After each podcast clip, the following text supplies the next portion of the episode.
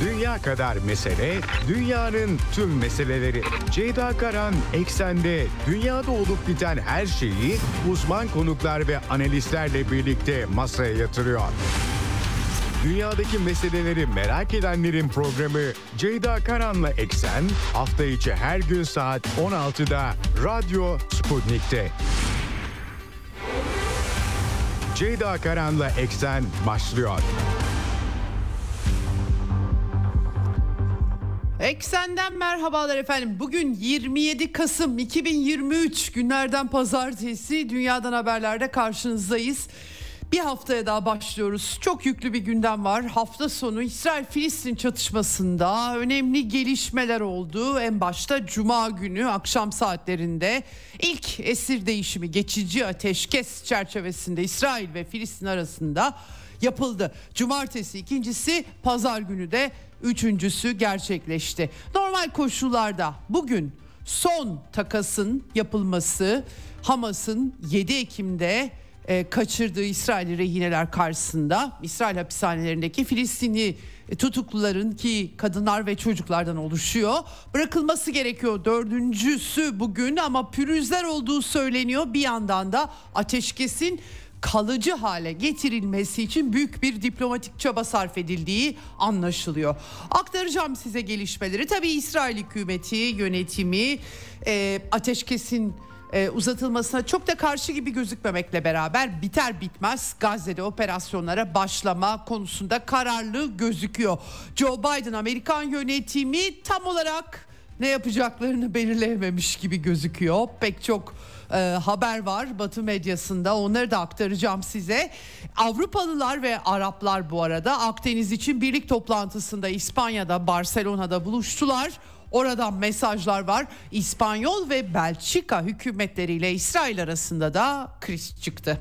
Filistin devletinin kabul edilmesi ve uluslararası tanınma anlamında e, çağrılar yapmaları da dikkat çekici. Özellikle İspanya'dan geldi bu çağrılar. Tabii Amerikan e, USS Dwight Eisenhower uçak gemisi grubu bu arada Hürmüz Boğazı'ndan sonra Körfez'e girdi. İran'a mesaj olarak algılanıyor.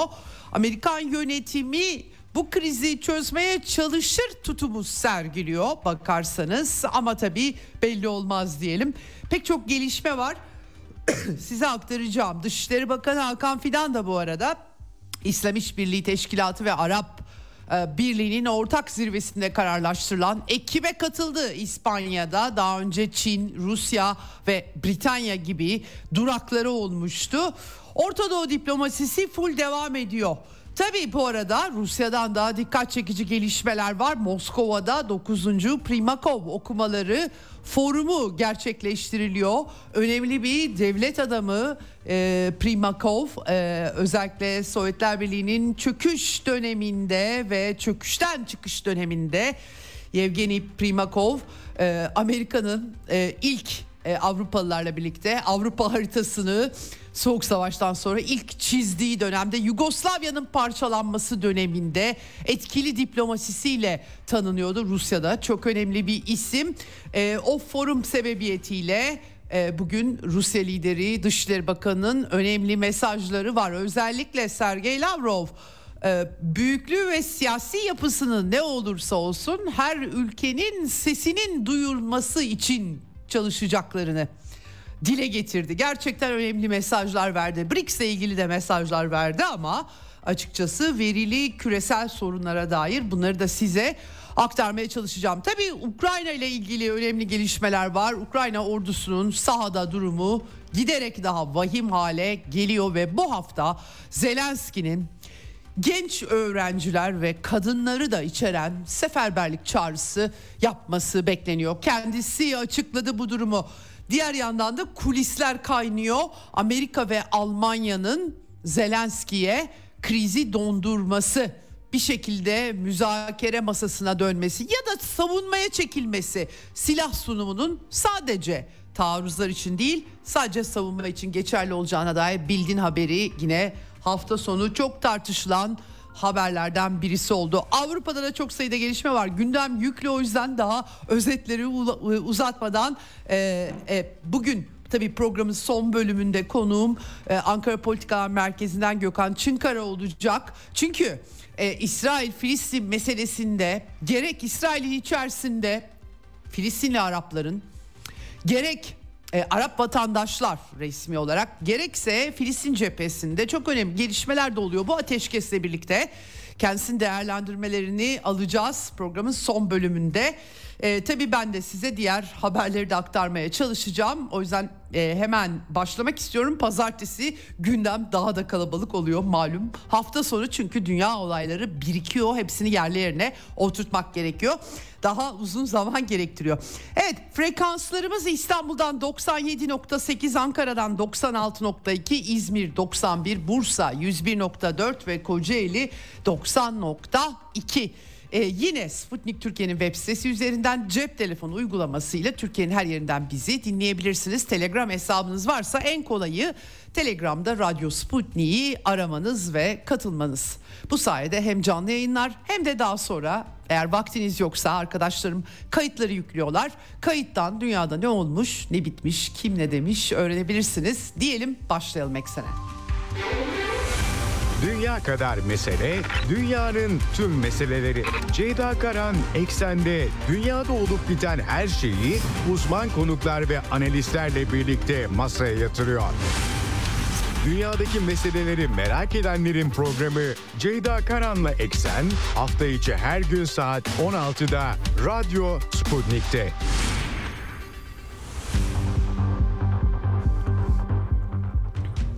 Evet bugün 52. gün İsrail-Filistin çatışmasında Hamas'ın 7 Ekim'deki İsrail'in uluslararası planda tanınmış topraklarına baskınıyla fitili ateşlendi. Olayların ve çok ağır bir misilleme, İsrail misillemesiyle karşı karşıya kaldık. İsrail'de topraklarının ilk kez insanların birkaç saat içerisinde 1200 önce 1400 denmişti ama bir kısım yanmış bedenlerin Hamaslılara ait olduğu anlaşılınca düzeltme geçildi, hata yaptık denildi ve 1200'e tekrar indirildi. Ee, İsrail de bunu gerekçe göstererek meşru müdafaa hakkı uyarınca 51. maddeye atıf yaparak BM, BM'nin 51. maddesine Gazze misillemesine başladı. Efendim 49. günde ancak ateşkes geldi e, Katar, Mısır ve Amerika Birleşik Devletleri'nin etkili olduğu anlaşılıyor. Geçtiğimiz hafta sonu takas başladı. E, 4 günlük bir insani ara, e, 50 İsrail'i rehine ve İsrail hapishanelerinde 150 Filistinlinin çoğu hepsi kadın ve çocuklardan oluşuyor. Bırakılması süreci başladı. İlk e, e, takas cuma akşam saatlerinde gerçekleşti.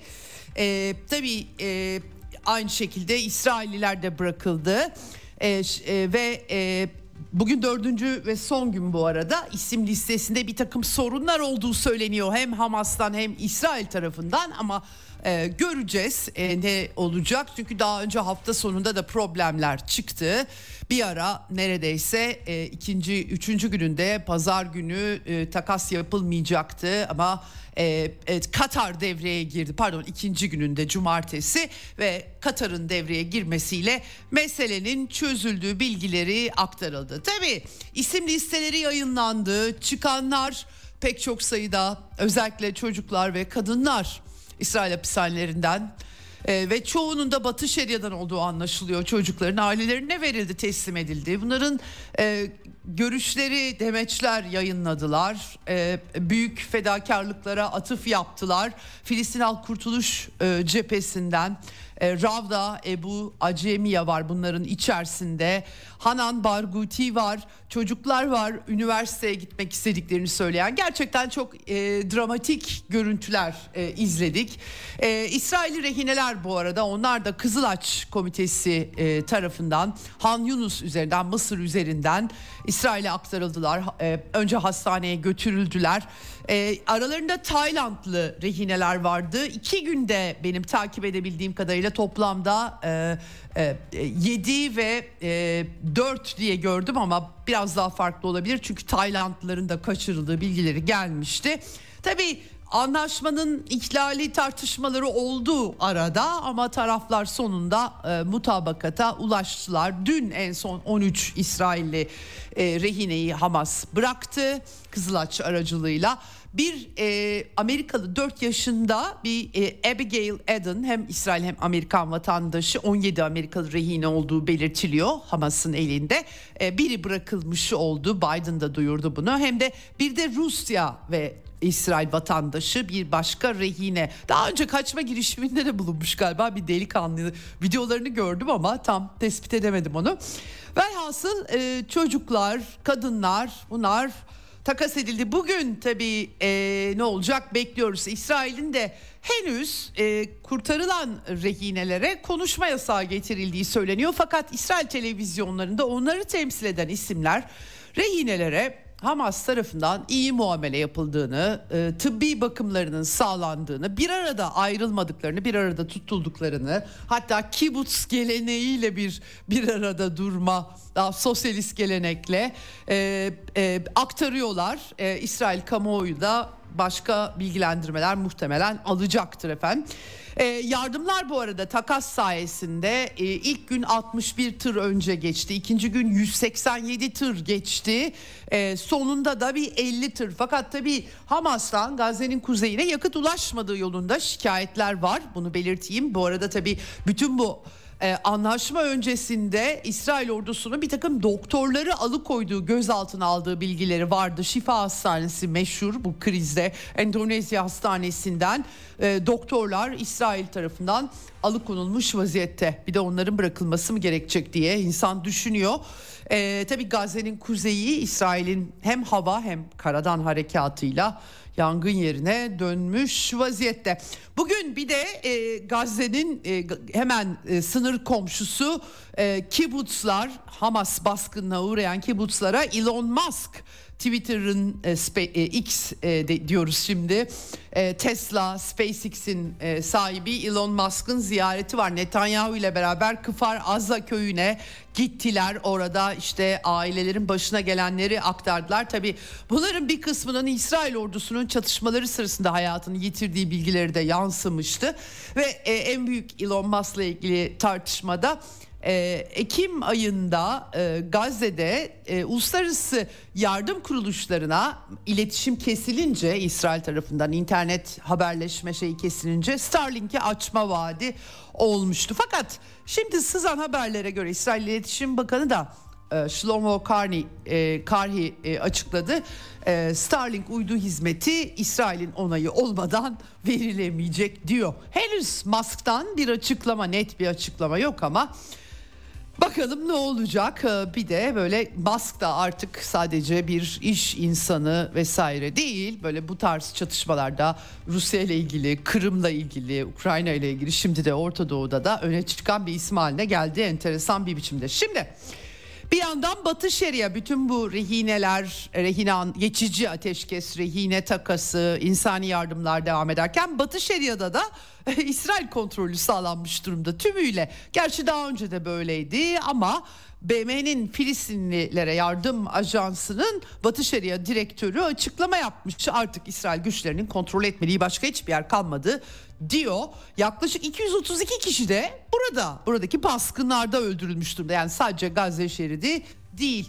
Ee, pek çok baskın haberi var. 7 Ekim'den bu yana yaklaşık 3200 kişiyi de İsrailler tutuklamış durumdalar. Yani e, eğer esirleri bıraktırmaksa yeni esirler e, İsrail'in elinde diyebiliriz rahatlıkla.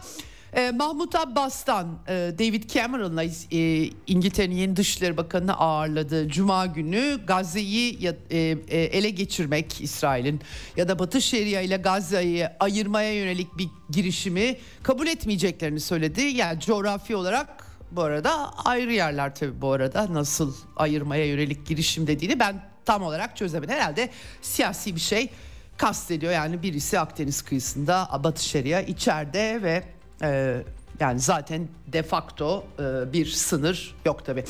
Şimdi e, ateşkes meselesi buradan nereye gidecek onu tam bilemiyoruz ama Hamas'ın e, siyasi yetkilileri hafta sonu açıklamalar yaptılar. Siyasi büro başkanı İsmail Haniye örneğin takas anlaşmasına İsrail bozmadığı sürece bağlı kalacağız dedi. Uzatılması olasılığından bahsediliyor. 1 2 3 gün. İsrail e, savaş kabinesi 10 günlük bir opsiyondan bahsetmişti. Herhalde rehinelerin çoğunu kurtarmak maksatlı. Şimdilik 50 çünkü ama 239 rehineden bahsediliyordu. Onların akıbeti ne olacak sorusu henüz ortada duruyor.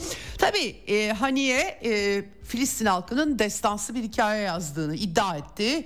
İsrail'in yaraları derinleşti dedi, planlarını bozduk dedi e, mevzilerini terk etmeyeceklerini söyledi. Gelecekte nasıl yönetileceklerine dair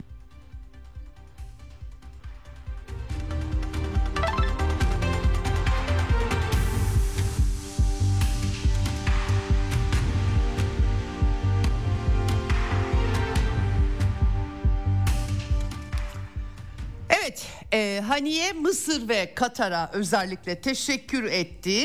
E, tabii bölgenin nasıl yönetileceği, yönetileceği derken Gazze şeridine bir e, Arap gücü gibi değerlendirmeler var. Mısır liderinden gelmişti herhalde onu kastediyor olsa gerek. Daha resmin o ayağı biraz karışık doğrusu. Çünkü e, Hamas'tan da özellikle askeri kanadı Kassam Tugaylarından da... E, geçici ateşkes biter bitmez askeri operasyonlara devam edecekleri e, açıklaması gelmiş durumda. Burada kendi içlerinde de bir takım casuslar e, ortaya çıkıyor Hamas'ın. E, özellikle Tulkaram bu e, tabi Batı Şeria'da Gazze'de değil Tulkaram Netanya'nın hemen 25 kilometre doğusunda bir yerdir. E, casuslar cezalandırılmış. iki Filistinli 31-29 yaşında çöpe bedenleri atılmış halde görüntüler gördüm ama doğrusu bilmiyorum öldürülmüşler yani. Şimdi e, çatışmalara devam kararı var. Ee, İsrail'de de farklı değil. Rehinelerin teslimiye, teslim edilmesi sürecinin Netanyahu ve savaş kabinesindeki bakanları e, video e, konferans üzerinden izlediler. Onlar da izledi ve ee, bir yandan tabii İsrail'deki tartışmalarda hani e, savaş kabinesi görev başında görüntüsü de böylece çizilmiş oldu. Hafta sonunda gerçi Netanyahu'nun konutunu İsrailler sardılar ve istifasını talep ettiler.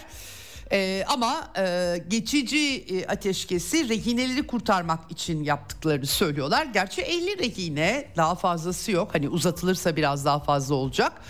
E, ve İsrail kamuoyunda da çok sayıda tartışma var bu konuda. En son e, ben size Financial Times'a aktarmıştım. 7 Ekim'de Hamas'ın baskın planını aslında e, istihbaratın öğrendiği ama hayalci bulduğu aktarılmıştı. Son olarak İsrail basını Haaretz gazetesi de bir yıl önce haberdar olduklarını ama önlemleri almadıklarını söylemiş. Şimbet Şimbet'e iletilmiş askeri istihbarat tarafından durum. Hakikaten çok acayip. Ee, ya hatta şöyle diyelim e, bir kısmından en azından haberdarlar ve Yahya Sinvar e, askeri kanadın baş, başı Hamas'ın.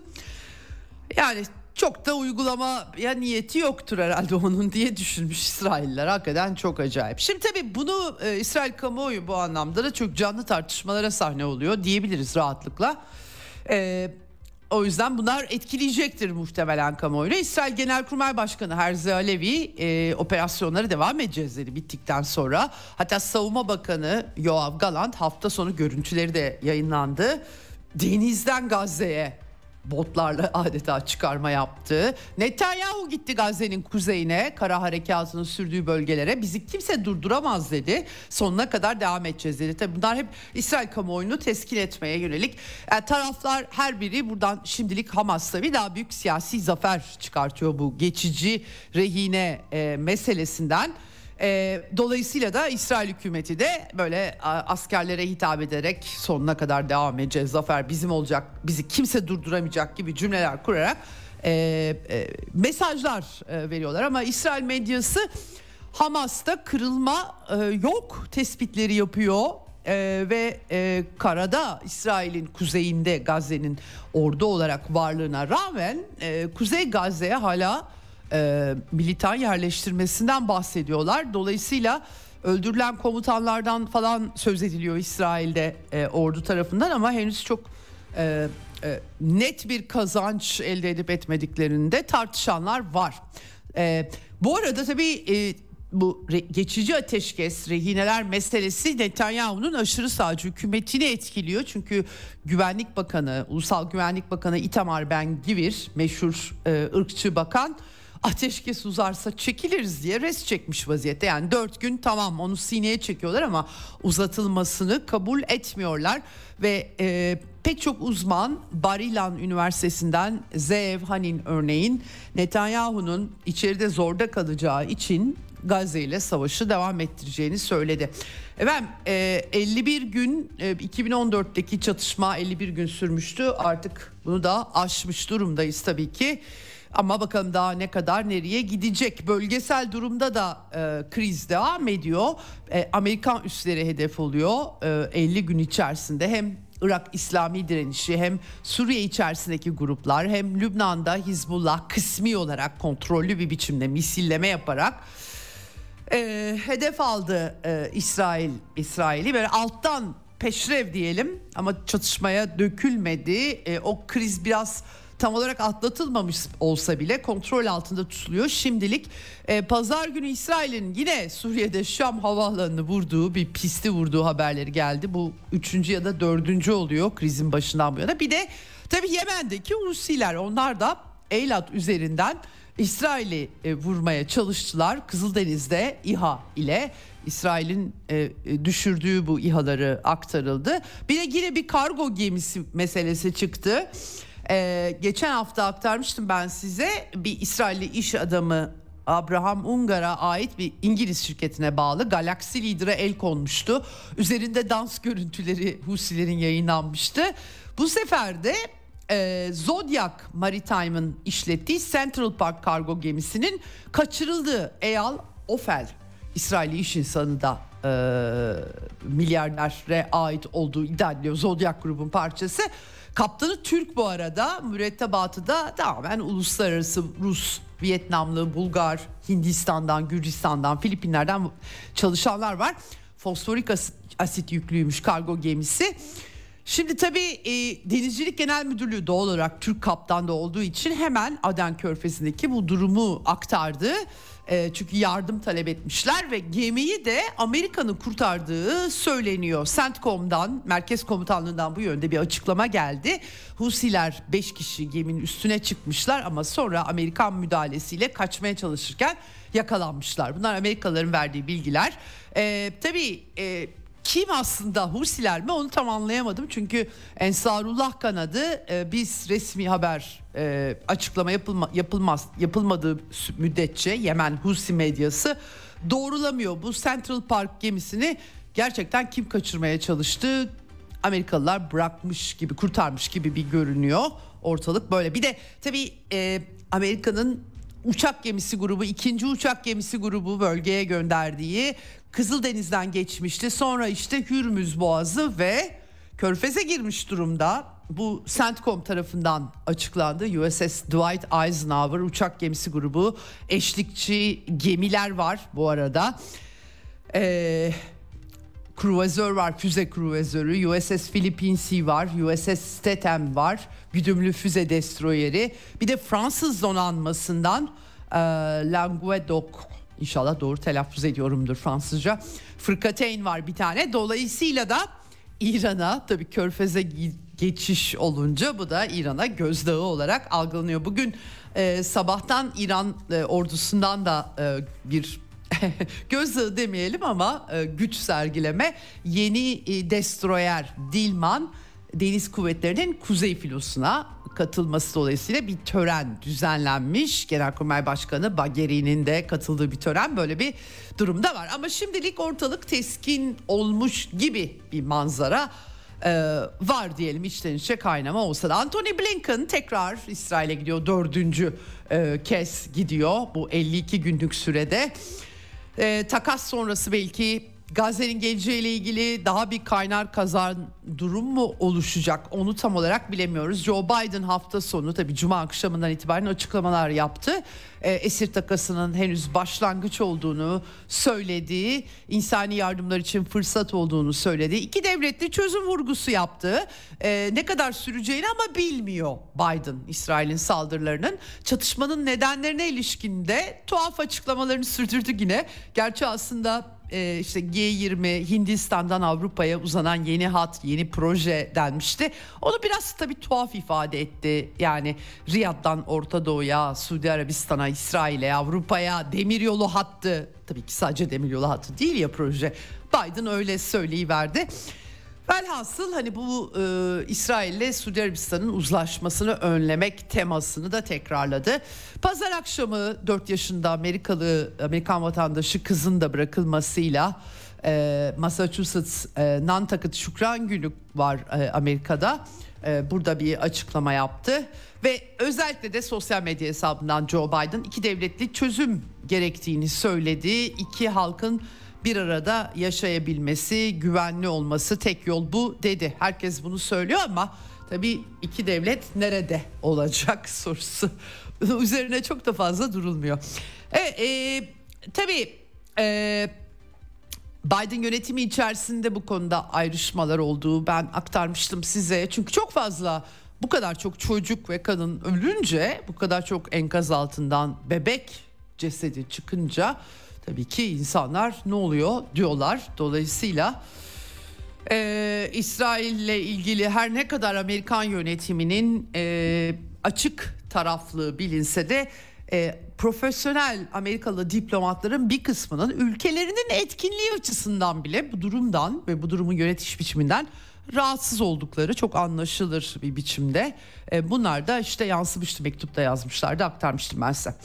Evet Rusya Dışişleri Bakanlığı da Orta Doğu diplomasisinde aktif devam ediyor. E, Filistin Yardım Ajansı'yla görüşmeler yapıldı. Tabii orada Rusya vatandaşları da var aktarmıştım size yaklaşık bine yakın e, e Rusya vatandaşı bunlardan 762'si Moskova'ya hemen Acil Durumlar Bakanlığı seferber oldu getirildi. Bir de Dağıstan Cumhuriyeti'ne sığınmacı kabul ettiklerini anlıyorum açıklamalardan e, yaklaşık 200 sığınmacı Gazze'den Filistinlileri kastediyorlar. E, bu da enteresan çok üzerinde durulmadı ama. Evet hal böyleyken Arapların diplomasisi Arap Birliği İslam İşbirliği Teşkilatı'nın 11 Kasım'da Riyad zirvesinde alınan kararla oluşturulan komite Çin'e gitti, Moskova'ya gitti, Londra'ya gitmişti. Hafta sonunda İspanya'daydılar. İspanya'da e, tabii e, Akdeniz için birlik toplantısı forum vardı, bölgesel forum. Bu vesileyle temaslarda bulundular. Ee, Bakanlar Komitesi deniyor. Ee, Suudi Dışişleri Bakanı Faysal bin Farhan buna e, liderlik ediyor. Bu sefer tabii Çin'de Moskova'da yoktu ama Dışişleri Bakanı Hakan Fidan'ın da İspanya'da olması tabii Akdeniz için birlik toplantısı vesilesiyle olabilir. E, dikkat çekici o da İspanyol Bakan Jose Manuel Alvarez'le e, bir görüşme gerçekleştirmiş. Barcelona'da yapılıyor bu Akdeniz için e, birlik toplantısı. İşte Arap kanadı tabii bu vesileyle görüşlerini de dile getiriyor. Zaten genel çerçeveyi biliyoruz. Ürdün'ün tepkileri var. Filistin nüfusunun sürülmesi kendi devletlilik halini etkileyecek bir biçimde Batı Şeria'dan yeni bir sürgün olur mu kaygıları taşıyor Ürdün Krallığı belki de haklı olarak. Ürdün Dışişleri Bakanı örneğin e, Cuma günü Musa Özurlu ile konuşurken haber düşmüştü. Hatta onu da sormuştum çünkü El Sisi'den e, Mısır liderinden açıklama gelmişti. E, Mısır lideri e, zorunlu sürgünün olmaması gerektiğini vurgulamış ve Filistin devletinin tanınması ve bu devletin NATO, BM ya da Arap gücünden oluşan bir güç tarafından güvenliğinin hem İsrail'in tabii hem Filistinlerin sağlanmasından bahsetmişti askerden arındırarak aslında bugünkü durum için bir çözüm olarak pek çokları için e, anlamlı bulunuyor. Yani bir yandan Filistin'i tanıyacaksınız bir devletleşme olacak. Diğer yandan da ilk adımının bu askersizleştirilmesi ve aslında Arapların Arap gücünün geri dönüşü İsrail'le savaşlarda ele geçirilemedi sonuç itibariyle 67'den bu yana ee, ve e, ilginç bir öneriydi ama Ürdün bu işlere çok girmek istemiyor anladığım kadarıyla. Ürdün Dışişleri Bakanı e, as, Arap askeri gücün parçası olmayacaklarını dile getirdi. Tabi Ürdün'e uzak orası. Batı Şeria ile daha bir e, haşır neşir aslında tabii ki Gazze ile de ilgileniyor ama Ürdün yönetimi böyle bir e, coğrafi bir e, başka bir e, durumda olduğunu belirtmek gerekiyor. E, Lübnan Başbakanı Necip Bikati'nin açıklamaları var. O da e, yani İsrail'le savaş istemediklerini açıkça dile getirdi. Barışa talibiz dedi ama Lübnan topraklarında da saygısızlık etmekten vazgeçilsin artık dedi. Yani İsrail uçakları sürekli hava sahasını ihlal ettiği için tabii e, o biraz tartışmalı işin orası. Evet asıl tabii Batı ile İsrail arasında bir kriz koptu. Ee, onun sebebi de bu krizin başından beri Belçika Başbakanı e, ilginç bir biçimde Alexander De Croo ve Belçika hükümeti İsrail'i çok ağır eleştiriyor. Yani a, hani aslında Avrupalıların hep böyle kendilerini üstün görüyorlar. Onlar çok hukuka saygılılar, insan hakları onlardan sorulur. Bu anlamda baktığımız zaman Belçika o e, değerler duruşunu Avrupa'da yansıtan belki de tek ülke diyebiliriz. Başından beri yani varsa öyle bir e, tabii siyasi çözümsüz olacak bir şey değil. Bir de zaten şu da var hani e, Hamas'ın yaptığı baskını da terörizm olarak kınadılar hepsi. E, ama onun ötesinde e, açık çek yani İsrail'e her türlü siviller dahil herkesi öldürmesi için açık çek ee, Avrupa tarafından biraz öyle e, bir manzara oluştu. Bu anlamda Belçika farklı durdu. Alexander de Croo. Ee, bu konuda tabii İspanya ile İspanya Başbakanı Pedro Sanchez ile İsrail ve Filistin'i ziyaret ettiler ve ortak basın toplantısında da e, kalıcı çözüm e, vurguları yapıldı. Özellikle İslam, İspanya Başbakanı Pedro Sanchez e, AB e, ile birlikte bunu yapmalıyız ama AB yapmazsa İspanya kendi kararını alacaktır dedi. Yani AB'den bağımsız olarak İspanya'nın Filistin devletini açıkça tanıması, barış konferansı Çin'in ilk gündeme taşıdığı. Tabii bu durum Netanyahu ve Dışişleri Bakanı Eli Cohen'in tepkisine yol açtı. Pedro Sanchez'i terörizme destekle suçladılar. Dışişleri Bakanlığı'na çağrıldı. İspanyol elçisi, Belçika elçisini de çağırmışlar bu arada. Ortalık karıştı tabii. İspanyol e, Başbakanı, Dışişleri Bakanı yanıt vermiş İsrail'in suçlamalarına. Kategorik olarak reddediyoruz dediler.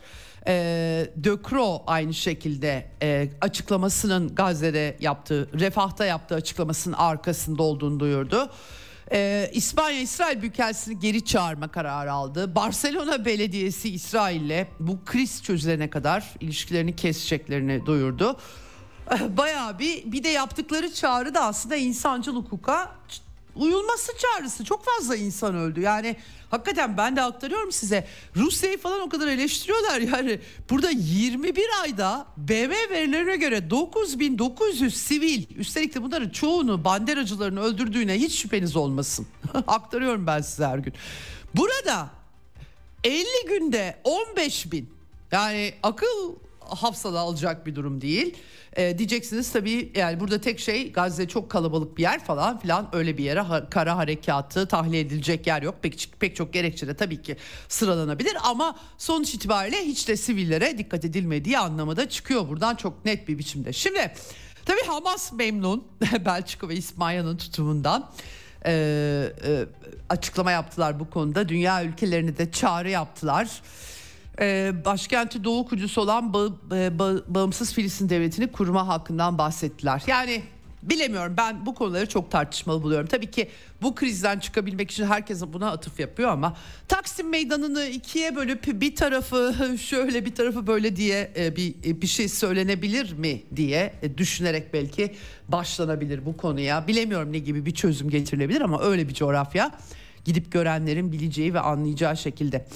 Efendim Almanya e, bu arada e, Cumhurbaşkanı Frank Walter Steinmeier İsrail'e gitti. Giderken dayanışma mesajı için gittiklerini söyledi. Koşulsuz destek. Tabii ki Almanya Holocaust'un sorumlusu görüyor kendini ve e, İsrail ne yaparsa yapsın. Tabii bu da enteresan. Hiç değerler bakımından pek de bir tartışma yapmıyorlar. Yani ne yaparsa yapsın olacak işte değil. Yaptığına göre bakmak lazım tabii bu arada.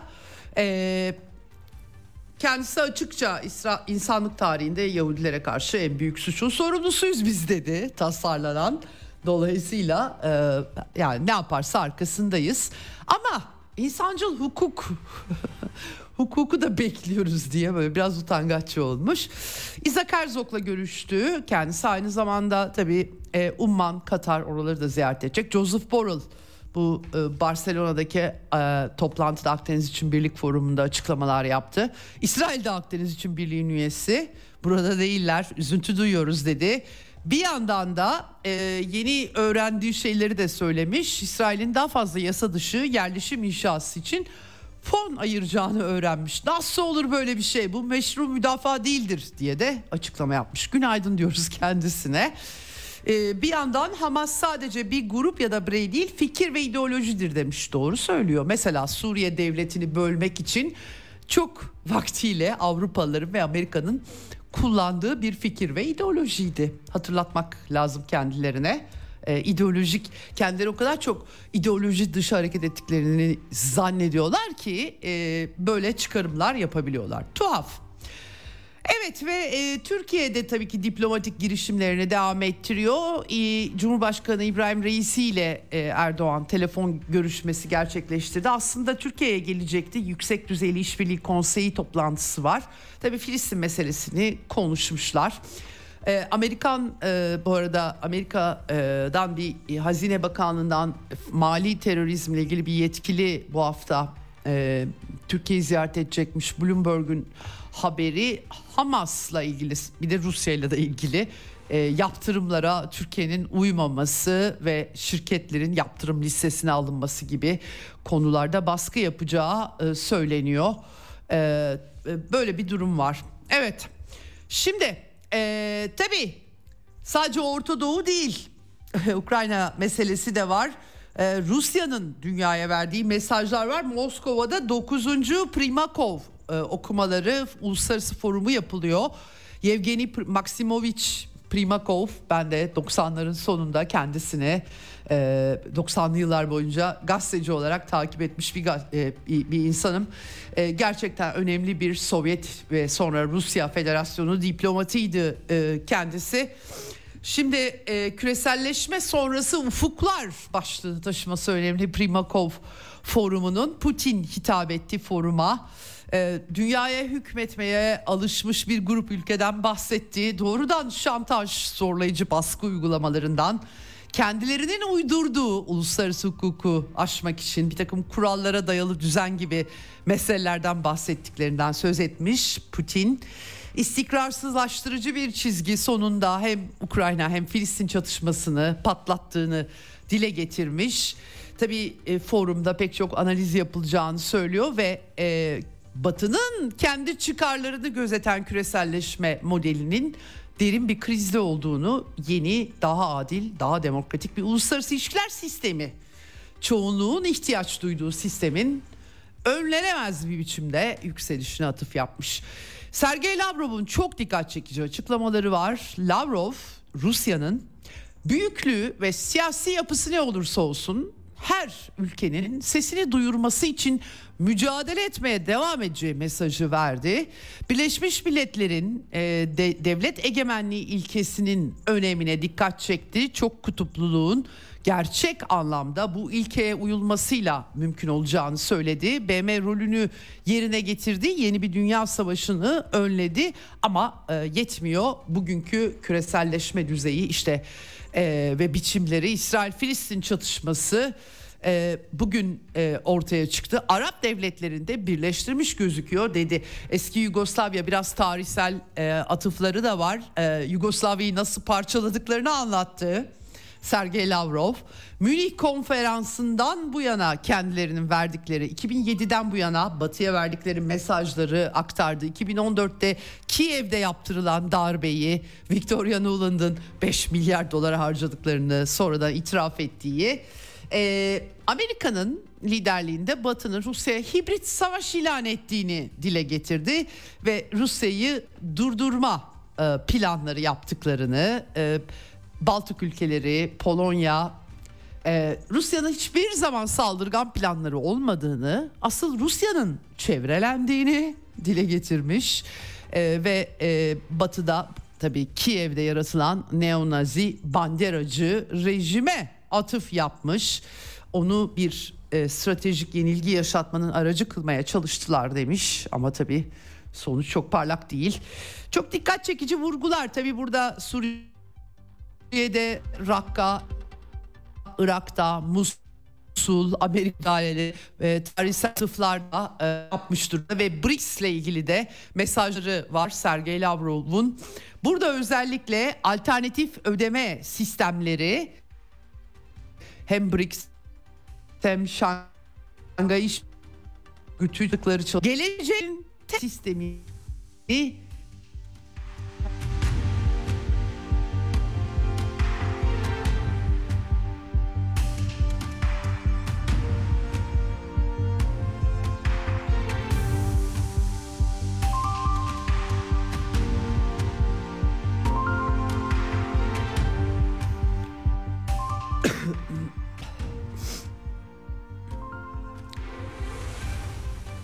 şimdi Ukrayna sahasında neler oluyor efendim hakikaten e, e, özellikle Avdiivonets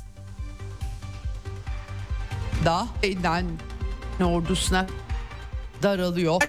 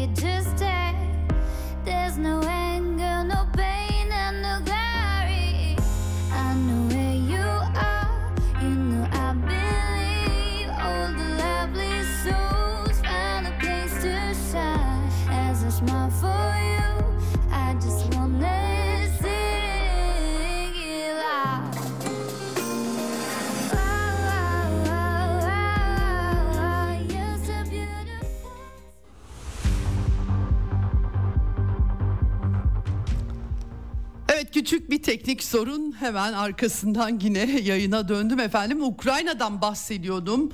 Ee, hem e, Avdiivka bölgesinde Donetsk'in dibi yıllardır 2014'ten bu yana Ukrayna ordusunun Donbas'a saldırılarının organize edildiği önemli yerlerden birisi. Burada Rusya güçlerinin sürpriz ilerlemesi devam ediyor. Kok fabrikası güneyde sanayi bölgesinde varlıklarını genişlettikleri haberleri var. Dnieper hattında Herson bölgesinde Güney cephesinde. Yine Krinki'de Ukraynalı durumun, Ukraynalı e, donanmaların, deniz piyadelerinin durumunun pek parlak olmadığı yine haber veriliyor. Efendim e, ilk Abrams tankları Amerika Ukrayna'ya vermişti 31 adet. İlk Kupyansk kuzeyde Kupyansk cephesinde görüldüğü iddiaları var. E, ben gör, görsel bir doğrulamaya rastlamadım ama tabii e, Abramslar nasıl bir performans sergileyecekler herkes onları merak ediyor. Daha çok çöl savaşlarından biliyoruz. Tabii Ukrayna sahası çok o coğrafyaya uygun değil ama göreceğiz hep birlikte. Ukrayna ordusunda hakikaten e, sıkıntılı rezerv sorunu var. Meşhur Da Vinci'nin kurtları taburu neredeyse yok olduğu bilgileri var. Neo Nazilerden, aşırı milliyetçilerden oluşuyordu çoğunluğu. Sonradan o kadar çok adamsız kalmışlar ki Harkov'dan rastgele insan topladıkları söyleniyor. Avdiivka'yı savunan iki Ukrayna askeri birliğinin kapışmaları yansımış. 110. Tugay'la 53. Tugay. Birinin birini kollaması gerekiyor ama Rusya'nın topçu saldırıları altında sıkışmış 53. birlik ve biz sizi savunamayız haldeyiz deyince de korkaklıkla suçlanmışlar. Videolar yayınlıyorlar arka arkaya. Baktığınız zaman pek çok başka haber var bu konuda. Ee, ve e, özellikle de e, Zelenski'nin dikkatler tabii bu koşullarda Zelenski'nin bu hafta yapması beklenen seferberlik çağrısına çevrildi. Kendisi duyurdu bunu. Zorlukları anlamalarını istiyorum dedi insanlara. Genç öğrenciler 17-18 yaşlarında ve kadınların ki kadınlar cephede görülmeye başlandı. Geniş bir seferberlik ilanı. Askeri eğitim ne kadar alabilecekler o da belli değil. Yani son Ukraynalıya kadar savaş diye anlamak gerekiyor bu kararı. Ee, bu arada bir e, Ukrayna televizyonunda e, bir artı bir televizyonunda küçük çaplı bir yazım hatası demişler sonradan ama Ukrayna'nın kayıplarının sayısı 1 milyon 126 bin 652 olarak ölü ve kayıp askerlerin sayısı yayınlanmış. Geçen hafta Okay depremle konuşmuştuk. O ölü, yaralı, sakatlar dahil 1 milyonun en az üzerinde diye bir rakam söylemişti. Bu rakam Ukrayna televizyonuna da yansımış. Sonra hemen geri çekmişler yazım hatası diyerek. Eh, yani hakikaten acayip. Eh, Zelenski e, ulusal muhafızları kontrol eden bakanlık yardımcılarını üç, üçünü birden görevden almış. Darbeden korktuğu söyleniyor. Temmuz'da komutanı kendi değiştirmişti. Şimdi komutanın yardımcılarını değiştirmiş oldu. Zaten seçimleri yapmıyorlar efendim. E, 2024 seçimleri yapılamayacak ve e, tabii e, bu anlaşılır olabilir bu koşullarda ama herkes bir başka kendisini devirecek bir darbe ya da halkın isyanını bile beklediği görüşünde. E, Amerika'dan kongreye takıldı yardımlar. Gerçi Aralık ayında 4 Aralık'ta yeniden Ukrayna ve İsrail'e yardım paketi Amerikan Kongresi'ne sunulacak. E, Cumhuriyetçilerin ayak süremesi devam ederse ne olacak? Bilmiyoruz ama Ukrayna cephesiyle ilgili en ilginç haber hafta sonunda Alman Bild gazetesinden geldi. Alman hükümetine yakın bir kaynak, Alman hükümetinden bir kaynak, Bild gazetesi zaten hükümete yakınlığıyla tanınıyor. E, hatta devlete diyelim. E, Alman kaynak demiş ki Zelenski kendisi de artık böyle devam edemeyeceğini anlaması gerekiyor. Dışarıdan e, e, birileri kendisine söylemeden anlamalı, halka seslenmeli ve müzakerelerin gerekli olduğunu açıklamalı demiş. Bu kaynağa bakılırsa Ukrayna ordusuna taarruz operasyonları için silah vermeyecek Amerika ve Almanya. Tabii şimdi e, Amerika ve Almanya'nın yeterli silahı var mı diye de tartışmak gerekiyor bana sorarsanız. Çünkü e, şu yansımıştı Amerika'da e, Richard Haas gibi isimler bu konuda makaleler de yazdılar. Ukrayna ordusunun taarruzunun başarısız olduğu ve savunmaya çekilmesi gerektiğini söylediler. Ki seferberlikle gençleri kadınları e, cepheye sürmesi savunmayı tutmak için diye gerekçelendirilebilir önümüzdeki günlerde. Hadi diyelim onu anla, anlaşılır bulalım adam da yok çünkü ama ABD ve Almanya'da da mühimmat yok yani çok mühimmatları var da kendi istediklerini yapsın diye vermiyorlar pek öyle değil. Ee, Avrupa'daki mühimmat üretimi özellikle topçu mermi üretimi daha doğrusu 4000 çok düşük. Ukrayna bir günde hatta günde 10 bin mermi attıkları da olmuştu. Dolayısıyla ayda ürettikleri. Amerika üretimi arttırmış 28 binden bahsediliyor. Epeydir bunlar dolaşıyor zaten telegram kanallarına da yansıyor. 28 bin işte hesap edin. Yani bir günde ortalama 4 bin mermi atması gerekecek olsa 28 topçu mermisi.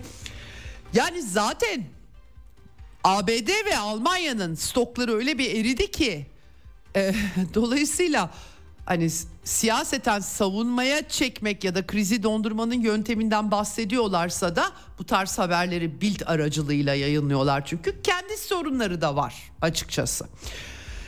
Ee, peki neden bu savaşı bitirmiyorlar? Hakikaten eş zamanlı olarak ne tesadüftür ki Zelenski'nin Halkın Hizmetkarları fraksiyonu lideri İstanbul'da Mart 2022'de işin başında Ukrayna tarafı taslak sunmuştu 18 e, maddelik. Ben aktarmıştım o zaman size. Sonra Boris Johnson gitti bizzat Kiev'e ve anlaşmayı durdurdu. Bugün bu kadar çok insanın can kaybında savaşı Ukrayna'yı araçsallaştırıp Rusya'ya karşı sürdürmek isteyen Amerikalılar ve İngilizlerin payı ortaya seriliyor. Neden? Çünkü Ukrayna televizyonuna biz bunları biliyorduk. Ben de size aktarmıştım ama e, David Arahamya Ukrayna televizyonundan bir gazeteciye konuşmuş.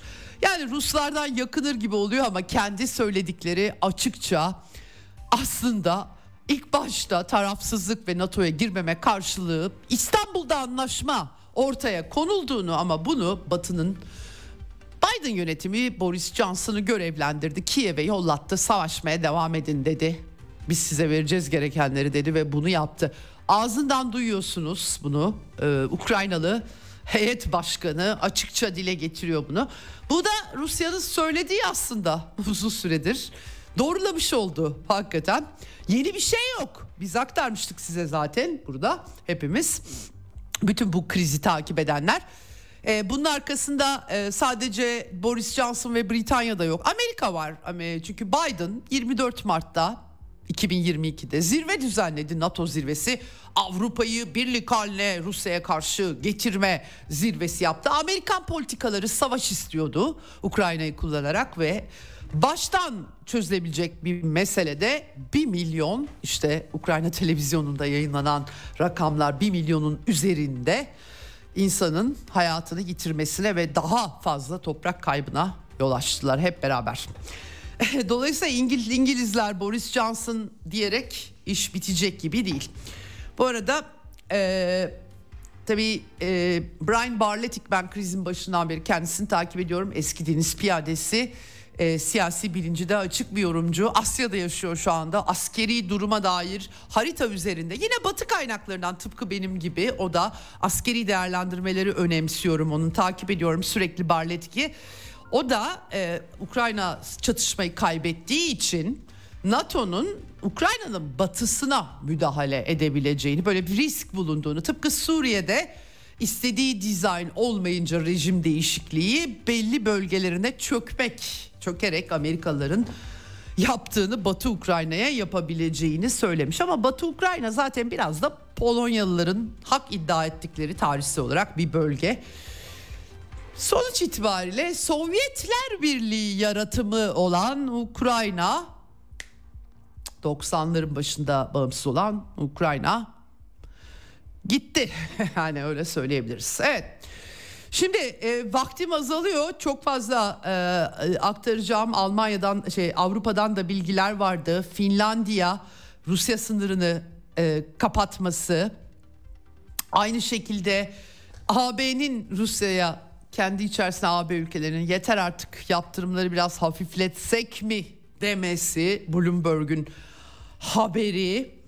E, Agit Dış İlişkiler Konseyi toplantısı yapılacak. Sergey Lavrov'un gitmesi söz konusu Kuzey Makedonya hava sahasını açabilirmiş Rusya Dışişleri Bakanı'na. İlginç gelişmeler göreceğiz. Almanya'nın sanayisizleşmesine dair anketler Alman endüstrisiyle ilgili raporlar var. İç dünyası anketleri var. Çok çarpıcı. Alman ordusunun içinde bulunduğu vahim durum.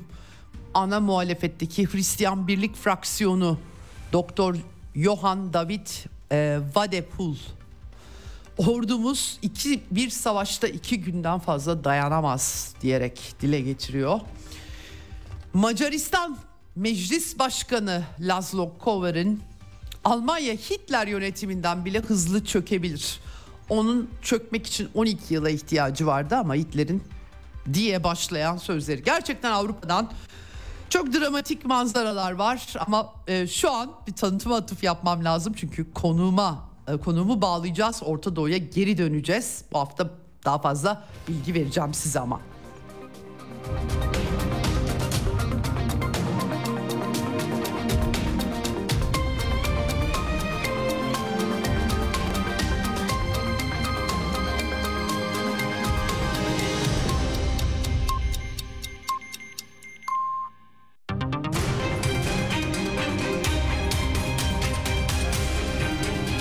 Radyo Sputnik. Anlatılmayanları anlatıyoruz.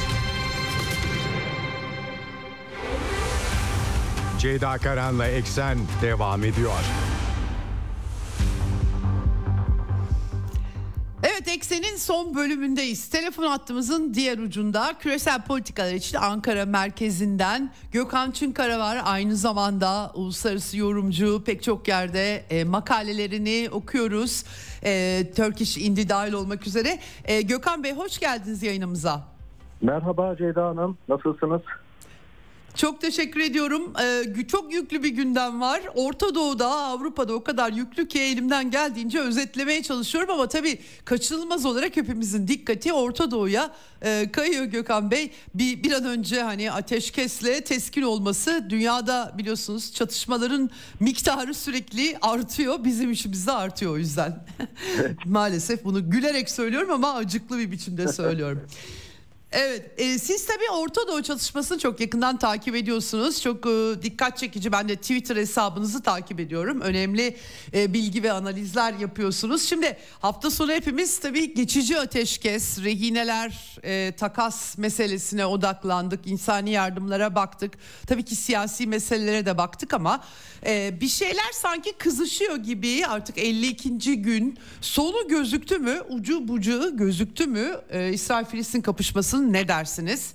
Ee, siz e, genel manzarayı nasıl görüyorsunuz? Yani şu an için tabii herkeste bir bu sürece bir e, bir alışkanlık da oluşmaya başladı. Çünkü ateşkesi yaratmış olduğu bir normalleşme e, havası her yerde hissediliyor. Yani Gazze'de de, e, İsrail'de de hissedilen bir durum. Yani tekrar bir savaş moduna dönme noktasında aktörlerin e, büyük bir iştahla e, devam edeceğini çok söylemek mümkün değil gibi geliyor bana şu an için. Hmm. hmm. Bugün baktığımda. Hmm. Zaten e, Biden ve Netanyahu arasındaki telefon görüşmesinde de uzatılmasına yönelik bir irade beyanı ortaya konuldu. Dün de Hamas yetkililerinin yapılan açıklamada onlar da uzatma noktasında bir anlaşmaya vardıklarını söylediler. Yani bir dört günde uzatılırsa tabii ki hmm. dört gün e, sonra bittikten sonra dört günde olacak. Ama tabii ki bu şey e, biraz e, listeler noktasında anlaşmazlıklar oluyor. O bir süreci tıkıyor gibi. hmm. Ama günün sonunda anladığım kadarıyla özellikle Mısır tabii ki bu noktada bence çok önemli bir aktör olarak sıyrıldı. Özellikle müzakerelerin yürütülmesi noktasında özellikle Mısır istihbaratı Abbas Kamil önderliğinde Zaten e, Cumhurbaşkanı, Cumhurbaşkanı Sisi de bunu bence oldukça önemli görüyor kendisi açısından. Ülkenin ekonomik durumunun bir nevi iyileşmesi için bir uluslararası desteğe yönelik ve teşviğe yönelik de bu Mısır'ın rolünün e, bir kanal açacağını düşünüyor. Tabii ki Mısır ve Katar burada önemli e, iki ülke diyebiliriz yani sürecin ilerletilmesinde. Ama tabii en nihayetinde burada Hamas ve İsrail'in alacakları pozisyon asıl sürecin neyine doğru gideceğini belirleyecek. Yani evet. E, tabii ki Yahya Sinvar artık tek lider e, o olduğunu ben zaten analizlerimde de hep altına çizdiğim bir realite olarak e, sunuyorum. Evet. E, çünkü sürecin aşılması veya sürecin tıkanmasında genellikle kararı veren o. Ben Katar'daki Yani askeri lider mi? Peki siyasi siyasi liderliğin bir hükmü yok mu? Onlar da yani Gazze'de değiller anladığım kadarıyla. Zaten e, Doha'dalar herhalde öyle anlaşılıyor. E, Yani, yani. sahada olanlar Ceyda Hanım her zaman için e, önemli aktörlerdir. Yani insanlarla Hmm. il- iletişim içinde olan ve orayı yöneten ve yönlendiren. Anladığım kadarıyla son çıkan analizlerde zaten ona vurgu yapılıyor. Yani Doha'daki e, siyasi ekibin etkisinin e, eskisi kadar e, olmadığı yönünde temel e, tezler öne sürüyor. Tabii bu açıdan bakılınca e, şeyin yani Yahya Sinvar'ın siviltildiği de söylenebilir. Yani belki Mısır da bunu istiyor artık e, veya diğer aktörler de belki de İsrail'de bu noktada artık elinde olması da böyle bir şeyin olmasına yol açtı bir açıdan. E, tabii ama Yahya Sinvar neye dönüşür nasıl bir şey olur bilemem ama İ- İsrailliler e, olayın ertesinde onu hedefe koymuşlardı dikkat edecek olursanız. Evet. Peki İsrail için başarı Yahya Sinvar'ı e, yok etmek mi? Burada baş, bir İsrail içerisine çok eleştiriler bu sürece tabii haliyle çok e, o öfkeyle diyelim hışımla e, Gazze bombardımanı başladı ve e, ortada çok fazla sivil ölüm olunca askeri başarı tam olarak e, yani anlaşılamaz hale geldi. İsrail tarafı açısından soruyorum görünüm e, nasıl E, ya da hedef ne olabilir başarı e, demesi için Netanyahu'nun olayı başarıya çekmesi için? Yani anladığım kadarıyla herhalde onlar yani Netanyahu açısından 2005'ten Gazze'den geri çekilmeyi bir nevi geriye döndüren bir siyasi lider olarak anladığım kadarıyla eğer İsrail bir seçime giderse bunu merkeze koyacak. Ben o noktada İsrail'in e, Gazze'den geri çekilmesinin çok hızlı olacağını düşünmediğimin altına çizmek isterim. Bu ateşkes bittiğinde de yani askeri operasyonların e, ton, e, tonajı ve genişliği çok geniş olmasa da e, devam edeceğini söyleyeyim. Zaten kuzey e, bölgesinde kendilerince bir şey sağladılar orada anlaşıldığı kadarıyla. Evet. E, Orayı Evet. bir nevi insansızlaştırdıklarını da söylemek mümkün. O açıdan Evet. e, e, fakat Amerika Birleşik Devletleri ve Arap devletleri tabii ki bir sürdürülebilir bir siyasal sistem kurulsun ki bu sorun böyle e, ani patlamalarla kendi iç e, siya, toplumsal istikrarsızlığa yol açacak siyasi rejimlerin kapasitesini azaltmasın diye bir beklenti de var. Çünkü Arap monarşileri Filistin meselesini kendileri açısından hassas görüyorlar. Yani aslında hassas derken Filistin meselesine doğrudan değil de dolaylı olarak kendi siyasi e, rejim kapasitelerine etkileri açısından baktıkları zaman e, bu açıdan Hı hı. onların olaya dahil olduklarını görüyoruz ki zaten siz de takip etmişsiniz de bugün Barcelona'da bir görüşme var. Evet. İslam İşbirliği Teşkilatı Bakanlar Komitesi'nin işte bizim Dışişleri Bakanı Hakan Fidan'ın da dahil olduğu. Ee, yani bu şekilde devam edecek diye düşünüyorum yani süreç. Ee, ama tabii Hı hı. politik bir müzakereye evrilir mi sorusunu söylemek için ben çok erken olduğunu ama böyle bir Aha. Arzunun ben Gazze tarafında da olduğunu düşünüyorum. Yani onlar bir Öyle mi? masada oturmak istiyorlar bence benim anladığım kadarıyla. Peki bu krizden Hamas Hamas meşrulaşarak çıkabilir mi 7 Ekim sonrası böyle bir olasılık var mı sizce? Ee, Yani onu Körfez ülkeleri istemiyor.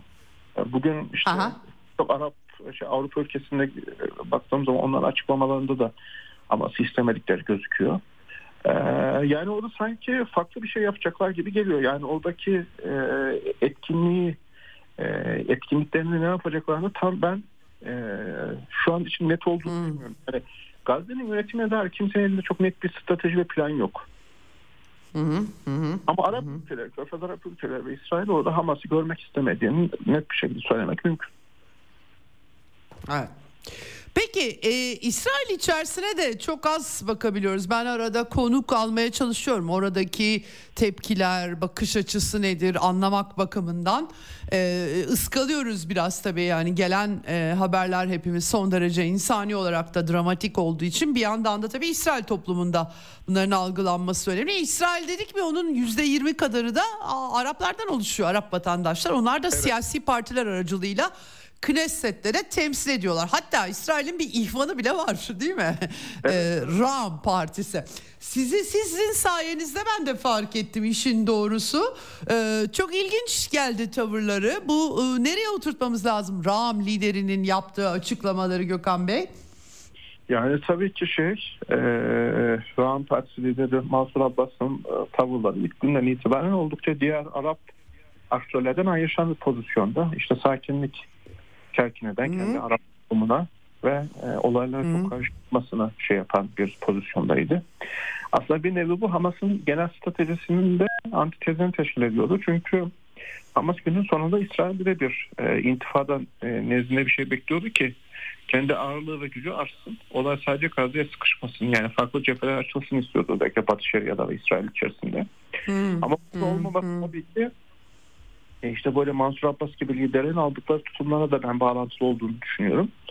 Ee, yani. Mansur Abbas tabii dün El Arabiye'ye verdiği mülakatı e, okudum ben. Ben kendi Twitter sayfamda da İngilizce özetini paylaştım. paylaştım. Orada da zaten temel vurgusu baktığımız zaman e, bir nevi İsrail toplumunda yaşayan bir Arap siyasetçinin yaptığı bir siyaseti yapıyor. Yani tam manasıyla bir e, nasıl diyelim Filistin siyaseti yaptığını söyleyemeyiz Mansur Abbas'ın. Yani baktığımız zaman. Hı hı.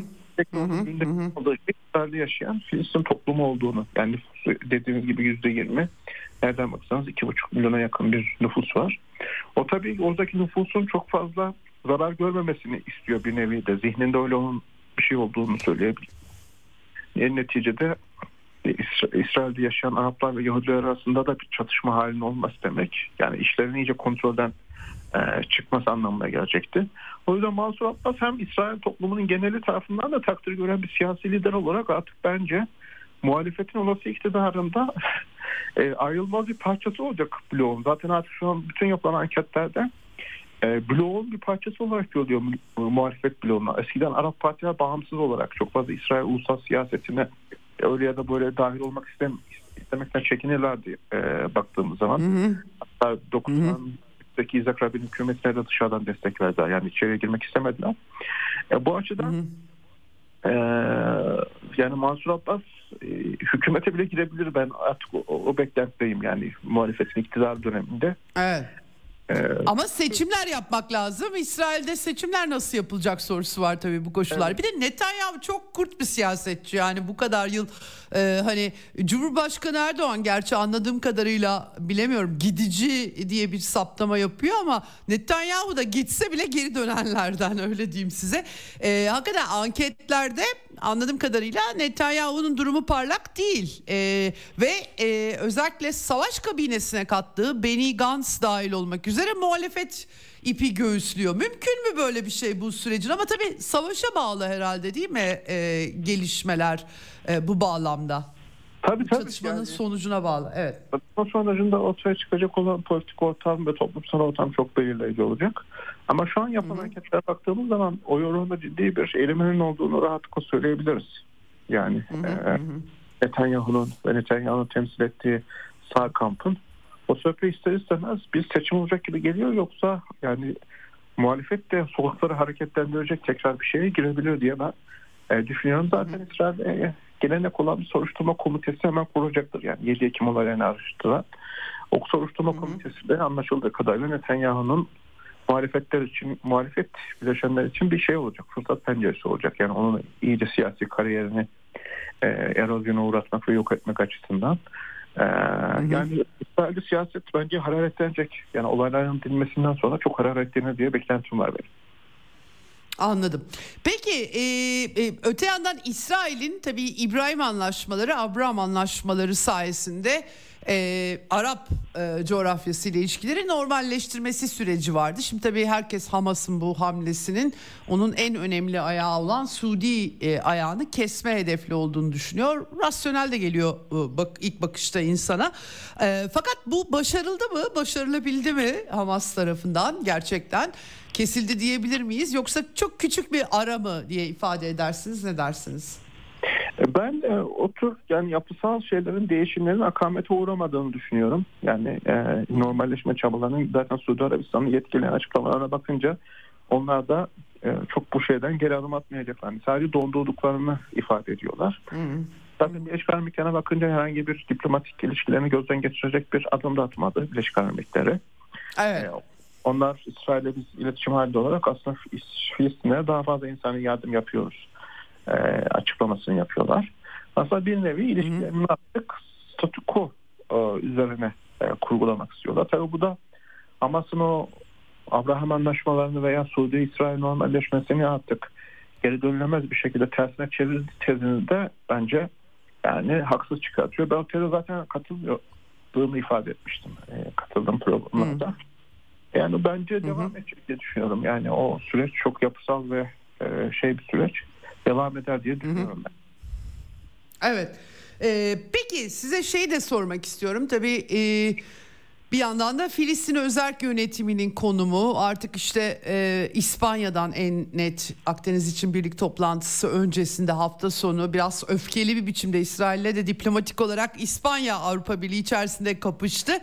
E, ve e, Filistin devletinin tanınması e, Gazze'de hükmünün geçmesi.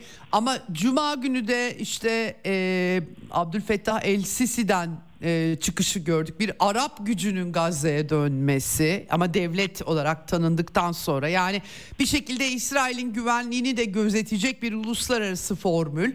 Mısır da sanki buna çok hazırmış gibi. Bunlar ne anlama geliyor? Fikir uçuşan fikirler mi? Filistin yönetiminin tekrardan devlet olarak tanınan tek varlık olarak yani Hamas'ı bu arada hep ekarte eden bir mantık işliyor. Mümkün mü Filistin yönetimi açısından? Mısır'ın planları daha öne çıkabilir mi? Diğerleri buna eşlik eder mi? Ee, bir de onu e, sormak istiyorum Filistin yönetiminin pozisyonu bakımından. Yani tabii o şeye bakınca e, yani o duruma bakınca tabii ki e, her ülke özellikle Mısır ve Ürdün gibi ülkelerde bu noktada bir inisiyatif almak ve geliştirmek istiyorlar. Yani Abdülfettah El-Sisi'nin yani Mısır Cumhurbaşkanı'nın aldığı pozisyonda ben oldukça o çıkışını ilginç e, buldum. Ama sanki bu meseleyi biraz daha Arap e, dosyası içinde Hmm. Arap dosyası içinde al- ele alırken de Ürdün ve Mısır ve artı Suudi Arabistan e, üssünün kurgulayacağı bir düzlemde geliştirmesini istiyorlar gibi geliyor bana. O yüzden e, bunu e, yani gelişim süreçlerinde de oldukça dar bir çerçevede Gazze dosyasına ele alınacağını ben e, düşünüyorum. Çünkü bunu bölgeselleştirilerek diğer ülkeler üzerinde bir basınç yaratılması da çok istenmiyor. E, O yüzden sanki e, Ürdün ve Mısır'ın Suudi Arabistan'a ön plana çıkmasının artık Katar'ın bir nedeni de bu gibi görüyorum. Diğer Arap ülkeleri çok fazla zaten diplomatik inisiyatif geliştiremiyor veya geliştirmesine imkan tanınmıyor. Bilemiyorum. Ben öyle yorumladım. Peki Türkiye, e, şimdi tabii Türkiye'de çok yüksek sesle de bir sürü şey seslendiriyor ama pratikte biraz tabii eleştiri almaya başladı. Gerçi önemli manidar girişimleri, belirsizlik politikası, nükleer açıdan bunu gündeme taşımak, işte e, e, insani meseleleri taşımak yine ama e, öte yandan da Arapça e, e, kamuoylarında yani Erdoğan da hep konuşuyor da e, sonuç ne ki falan diye bir bakış hakim oldu sanki. Yani Türkiye'nin burada garantörlük gibi e, bir takım e, arzuları var. E, Türkiye'yi nereye koyacağız bu denklemde? Yani ben Türkiye'nin pozisyonunu tabii ki e, yani Türkiye tarihsel bir misyon olarak e, şey Filistin meselesini ele alıyor. Ama bu da tabii daha farklı olarak bu sefer e, Hamas konusunda e, farklı bir e, açıklama, retorik ve e, siyaset ele aldı. E, bu tabii ilginç yani o ne kadar devam eder, pratikte onun yansımalar ne olur o zaman içerisinde Hmm. daha çok e, netleşecek gibi gözüküyor. Ama günün sonunda e, sanki Türkiye'de bölge ülkelerinin çizmiş olduğu özellikle körfez ülkelerinin çizmiş olduğu stratejiyle koordineli gidiyormuş gibi geliyor bana. Yani alternatif Hmm. bir şey getirme noktasında Türkiye'nin çok ayrıca bir çaba sarf ettiğini ben şu an için gözlemlemiyorum. Hatta e, şeyin Hakan Fidan'a El Cezire'ye verdiği mülakatta da yani Dışişleri Bakanı'nın e, verdiği mülakatta da o şeyin altına çizmişti. Yani biz kendimiz inisiyatif almaktan ziyade bölge ülkelerinin almış oldukları inisiyatifler Evet. koordineli gitmeyi ye, yeğliyoruz ya. O Evet, tabii evet. Yani diğer açıklamaları ben belki de bir nevi e, siyasete yönelik olarak da okun, okunabileceği gerek e, noktasındayım. Anladım. Şeye bakmak gerektiğini düşünüyorum. Yani şu an e, Türkiye daha çok bölge ülkeleriyle eşgüdümlü hareket ediyor ki bugün Dışişleri Bakanı Hakan Fidan da komitenin İspanya toplantısına katıldı. Evet. Peki çok teşekkür ediyorum Gökhan Bey. Eklemek istediğiniz başka bir şey yoksa hakikaten e, dikkat çekici. Daha tabii devam ediyor her şey. Hep hiçbirimiz Evet. bilmiyoruz tam olarak ne olacağını. Ama gidişatı biraz kestirmeye çalışıyoruz tabii. Evet. Olup bitenlerden siyasi olarak ne gibi bir resim çıkartır koyar önümüze onu merak ediyoruz. Çok teşekkür ediyorum Çok değerlendirme teşekkür için. ederim bana söz verdiğiniz için. iyi günler diliyorum. Ne demek sağ olun. Evet Gökhan Çınkara'dan değerlendirmelerini aldık. Hakikaten şimdi geçici ateşkes oldu ama bu her şeyin bittiği anlamına gelmiyor. İki tarafta kılıçları biliyor. Ee, dört gün belki uzatılabilir. Dediğim gibi ben size en baştan aktarmıştım. İsrail Savaş Kabinesi 10 günlük bir opsiyon koymuştu. Her ne kadar içeride sıkıntılı tartışmalar olsa bile hadi 10 gün olmadı birkaç gün daha uzatıldı ama e, bu iş burada bitecek gibi de gözükmüyor. Ya da biterse çok sürpriz olur. Çünkü e, 2014'te de Netanyahu çok sert söylemler e, dile getirmişti. Ama orada böyle bir durum yoktu tabii yani böyle bir anda 1200 kişinin öldürülmesi işte e, kayıplar, kaçırılanlar yoktu. E, biraz daha uzayacak gibi gözüküyor bu iş ama uzatmamak isteyen güçler var. Amerika Birleşik Devletleri de en azından çizdiği manzara yani biraz e, Biden'ın Ukrayna takıntısını artık benim yayınları dinleyenler olarak biliyorsunuz. Adamın şahsi meselesi Ukrayna başından beri öyleydi. Ta 2014'lerden beri öyleydi aslında. Yani şu Orta Doğu'da bela başımıza açılmasaydı, Filistin meselesi de gündeme gelmeseydi, biz böyle iki devletli çözüm, iki devletli çözüm deyip deyip geçiştirip dursaydık da böyle bir belayla karşılaşmasaydık da ben Ukrayna dosyasını böyle istediğim gibi yürütseydim filan modunda Joe Biden. İlk Orta Doğu turunda Araplar suratı kapı, e, kapıyı suratına kapattılar aktarmıştım size. Geri dönüşte ulusa seslenişte alenen adam böyle demişti yani. Orta Doğu'yu bırakıp Ukrayna'ya verilecek paralardan kongreden söz etmişti. Gerçekten orada pes demiştim. Hakikaten ancak bir kişisel savaşı haline getirdiyse olabilecek bir şey bu. Tabii orada da pek fazla e, başarı sergileyebildikleri söylenemez. Ekonomik olarak Rusya Federasyonu'na bütün yaptırımlar geri tepti. Eh, tam tersine işe yaramıyor. Petrol t- tavan fiyatı çöktü. Eh, Çekya gibi ülkelerin liderleri hayıflanıyorlar kendi şirketlerine. Niye Rusya'dan gaz alıyorsunuz diye yaptırımlar var ama Rusya'dan gaz alıyorlar. Slovakya gibi ülkeler iktidar değişti. Silah falan vermeyeceğiz diyorlar. Avrupa Birliği tek tek ülkeler ve bütün Avrupa Birliği için analiz yapsın diyor. Yeni lider, yeni başbakan, sosyal demokrat Robert Fico. Örneğin Hollanda'da Gert Wilders iktidar olacak mı olmayacak mı? Ben olursa şaşıracağım doğrusu. Ee, çünkü zannetmiyorum diğerlerinin e, iktidar olmasına izin vermesini. Kendisi de bir liberal Avrupa'nın göçmen düşmanı, aşırı sağcı diyerek sunduğu Kur'an ve İslam karşıtı hakikaten bir isim. Ee, ve e, sadece bununla sınırlı değil tabii Nexit'ten bahsediyor. Hollanda'nın Avrupa Birliği'nden çıkması yani Brexit gibi. Ee, Ukrayna çatışması e, Amerika Avrupa'yı çok iyi kullandı vekil güç olarak. Avrupa'yı sanayisizleştirdi. Almanya'da öyle ki durum vahim gerçekten e, küçülme oranı artıyor. Alman ordusuna 100 milyar dolar geçen sene bu çatışma başladığında yeniden e, Alman ordusunu canlandırma planları bu konuda hiçbir ilerleme olmadığını bizatihi ana muhalefet partilerinden yetkililer dile getiriyorlar. E, Almanya'ya başta olmak üzere Avrupa'nın durumu parlak değil. Polonyalı kamyoncuları geçen hafta anlatmıştım size. Ukraynalı neonaziler Polonya'ya neredeyse retorikte savaş açmış durumdalar. Çünkü e, şimdi Avrupa Birliği sertifika yani e, tır şoförlüğü yapacaksanız, kamyon şoförlüğü yapacaksanız AB kurallarına uyacaksınız ama AB Ukraynalılara için kural, kuralları gevşetiyor, kural tanımıyor. E o zaman e, Doğu Avrupa, Polonya başta olmak üzere oradaki kamyoncular isyan bayrağı açıyorlar. Bu gidişle bu krize gerçekten bir ara formül bulmazlarsa ortada acaba Avrupa Birliği diye bir birlik kalabilecek mi? İnsan merak ediyor. Yani başka türlü yorumlamak mümkün değil bu önümüzdeki olguları. Ee, ama tabii e, Rusya'da ya yönelik uyguladıkları politikalarda başarısız olmuş gözüküyor.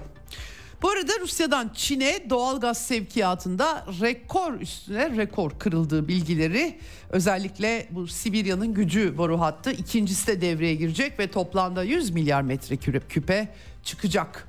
Böyle hedefleniyor. Dolayısıyla Avrupa'dan doğal gaz almak isteyenler zaten biz istemiyoruz Rusya gazını diyorlardı. E, Rusya Federasyonu da başka müşteriler bulmuş oluyor. Gerçi aldıkları e, başka yerlerden, üçüncü ülkelerden aldıkları sonuçta Rus petrolü ve gazı veriyor ama neyse geçiyorum oraları. Hafta sonu bir de Çin. Evet, Xi Jinping'in San Francisco'da Joe Biden'la nihayet buluşmaya yanaşması hiçbir şey değiştirmedi. Ben de size anlattığım gibi Çin lideri daha ziyade Biden'a e, bir nevi kendince ders verdi. Pozisyondan bir adım geri atmadı. Amerikalılar da atmadılar öyle gözüküyor. Tek Çin politikasını gayet güzel eğip büküyorlar. Ee, ama e, benim kanaatim Xi Jinping'in San Francisco ziyaretinden sonra Asya'nın daha da kızışacağı yolunda. Nitekim ilk haberler ben bunu düşünmüyormuşum gibi e, Güney Çin denizinden geldi hafta sonu Çin ordusu Amerikan donanmasına ait USS Hopper e, Hi, e, Hişa adaları açıklarında Çin karasularına yasa dışı girdiğini söyleyerek oradan uzaklaştırmış. Amerikalılar biz seyir sefer özgürlüğümüzü kullanıyoruz diyorlar ama Çinliler aynı görüşte değil. ABD öyle bir bölge ülkelerini seferber etti ki Avustralya ve Filipinler'de Güney Çin Denizi'nde ortak deniz devriyesine başlamış vaziyette. Çinliler Myanmar, Myanmar sınırında bu arada askeri tatbikat yapıyorlar. Tayvan meselesi temelli Amerika ile Çin'in farklı duruşunda bir değişiklik de yok bu arada. Ee, Avrupalıların da e, Aralık başı yanılmıyorsam tabii bir Çin e, temasları olması lazım. Öncesinde Çin Dışişleri Bakanı yani Amerika'ya çok da uymayın bizimle çalışmaya devam edin mesajları verdi. E, Fransız Bakan Dışişleri Bakanı Pekin'i ziyaret etmiş Catherine Colonna. E, onunla yaptığı görüşmede bunları e, aktarmış kendisi.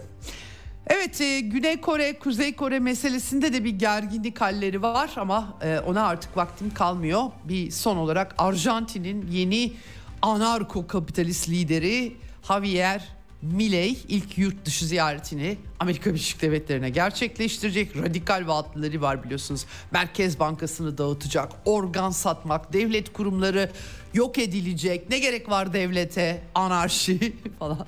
Bilemiyorum. Ekonomik şok terapisi e, diyor kendisi. Amerika turunda Trump'la da buluşursa acayip manzaralar göreceğiz tabii. Evet bugünlük bu kadar eksenden. Yarın görüşmek üzere dünyadan haberlerle. Hoşçakalın efendim.